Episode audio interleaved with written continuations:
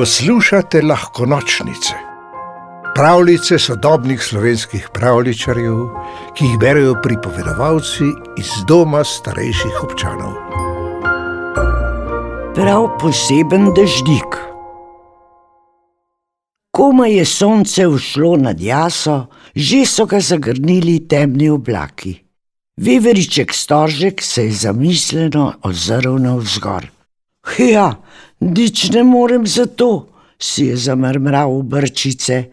Če bo padalo, bo pač padalo, sicer pa je lahko prav prijetno, če se sprehajaš v dežju. Če le imaš dežnik. Potem se je skušal spomniti, kam je dežnik pospravil.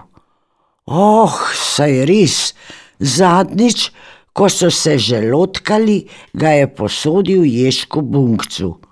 Tudi takrat je deževalo in storžek ni hotel, da se prijatelj domov vrne premočen. Da, najbolje, da kar stopi do bunkca. Na hitro si je počesal kožušček in poiskal lonček lešnikove kreme. Na obisk pač ne bo šel praznih rok. Oblaki so se iz modre prelivali v sivo in počasi v črno. Živijo stožek, mu je malo pozneje odprl bunkec in se prav tako kot malo prej veveriček zagledal v nebo. Si se prišel skrit pred dežjem? Niti ne, je odkimal stožek.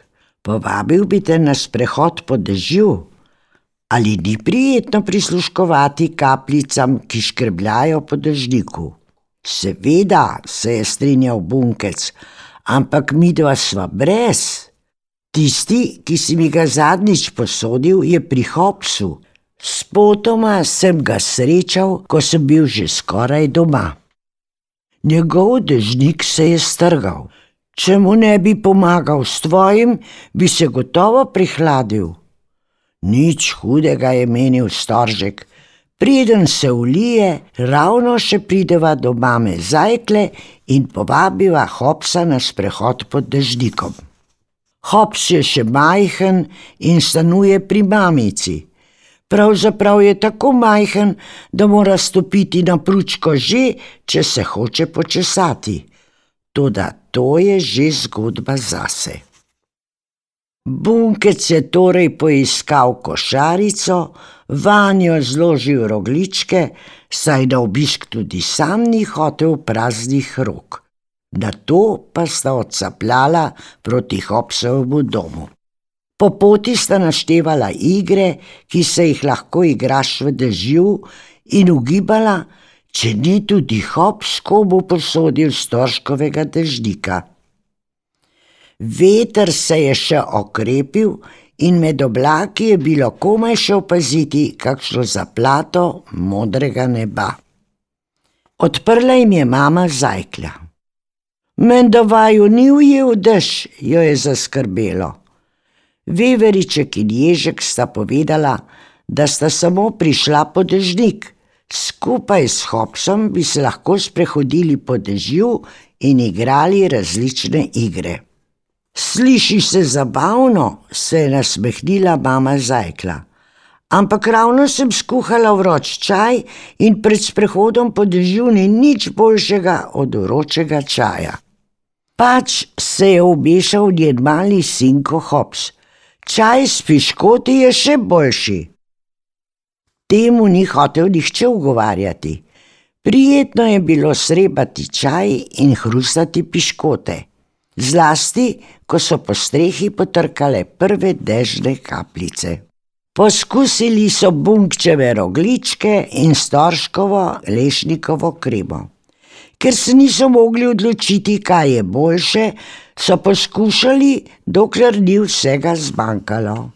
Vmes so klepetali o vsem mogočem in še čim, se smejali in čas je mineval, kot lahko mineva le v zares veseli družbi. Ko so se okrepčali in nahahljali, so Hops, Bunkec in Storžek vzeli dežnik in stopili k vratom. Ojej, so zavzdihnili skoraj hkrati. nehala jo deževati. Nič za to, jih je poskušala potolažiti mama zajkla. Še vedno lahko lovite kapljice, ki polzijo z mokrih listov.